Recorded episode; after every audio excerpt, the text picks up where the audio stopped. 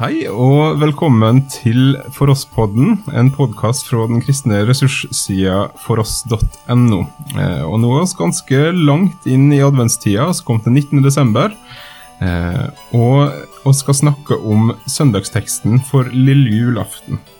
Den er henta fra Matteus 1, vers 18 til 25, eh, og den lyder som følger. Da Jesus Kristus ble født, gikk det såleis til. Moras, Maria, var lova bort til Josef, men før de kom sammen, viste det seg at hun var ved barn ved Den hellige ånd. Josef, mannen hennes, var en rettvis mann og ville ikke føre skam over henne. Han satte seg for å skille seg fra henne i det stille. Da han hadde tenkt ut dette, viste en engel fra Herren seg foran i en drøm og sa, Josef, Davids sønn, vær ikke redd for å ta Maria hjem til deg som kona di. For barnet som er avla i henne, er av Den hellige ånd. Hun skal føde en sønn, og du skal gi ham navnet Jesus, for han skal frelse folket sitt fra syndene deres. Alt dette hendte så det skulle oppfylles, det Herren har tala gjennom profeten. Se, Møya skal bli med barn og føde en sønn, og de skal gi ham navnet Immanuel. Det betyr Gud med oss. Da Josef våkna fra søvnen, gjorde han som Herrens engel hadde både han, og tok Maria hjem til seg som kona si, og levde ikke sammen med henne før hun hadde født sønnen sin og han ga han navnet Jesus. Josef, folkens. Det kan ikke være lett å være Josef. Nei, ved første øyekast på den teksten så får jeg jo stor eh, medlidenhet egentlig med fyren. I hvert fall med tanke på måten Matteus formulerer seg på. da. Mm. Eh, hvor han skriver at det viste seg at hun var med barn ved Den hellige ånd. Mm. Det, det, er jo en merkverdig setning, og jeg skjønner jo at det ikke er så troverdig ja, ja, for uh, Josef når, uh, når, Maria kommer og forteller, henne dette, forteller han dette. Ja, fordi en må jo anta at det er Maria som på en måte har kommet til Josef og på en måte sånn Hør her, jeg, er blitt gravid, uh, men jeg har ikke vært med noen andre, så det er, det er Den hellige ånd. det er Gud tror, som har vist seg for meg. Og... Jeg tror det er vanskelig for oss å skjønne hvor, hvor alvorlig det var. Mm. Mm. For det er klart, altså Når man liksom leser nå at de var forlovet, ikke sant, mm. trolova som du leste, og, så tenker vi ja, ok, de hadde kanskje sagt at de skulle være litt sammen, eller noe sånt, men mm. på den tiden så var jo forlovelsen var jo, det var jo som et ekte, altså et juridisk ja. ekteskap. og Du kunne ikke bryte det uten gjennom skilsmisse. Mm. mm. Eh, så de var, de var på en måte et par som var bundet sammen. Eh, så det må jo ha vært helt forunderlig men eh, for Josef å få den beskjeden og så syns jeg det er, så, det er, så, fint hvordan han er så eh, Hva skal vi si Han vil gjøre alt ordentlig, da. Mm. Ja, Eh, så det er veldig sånn Ja, Josef blir litt sånn helten her, da. Han blir helten. Mm. Ja. Jeg vet ikke om dere har sett den uh, Ole Paus-videoen hvor han snakker om Josef som mannen som elsket Maria.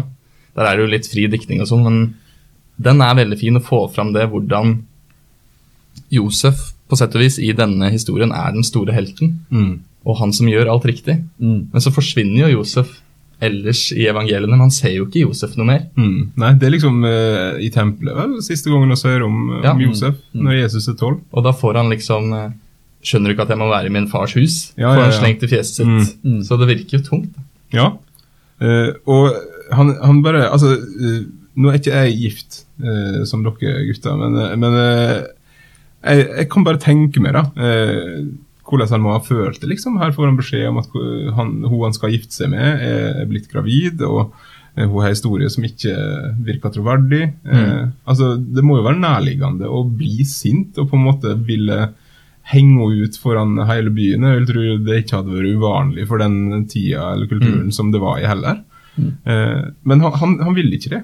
Eh, han vil gjøre det stille og rolig. Han vil ikke føre noe skam over henne. Han vil ikke at hun skal Eh, skal lide, eh, lide noe pga. det her. Selv om han da antageligvis må ha tenkt at her er hun her er hun vært utro. Rett og, slett. rett og slett.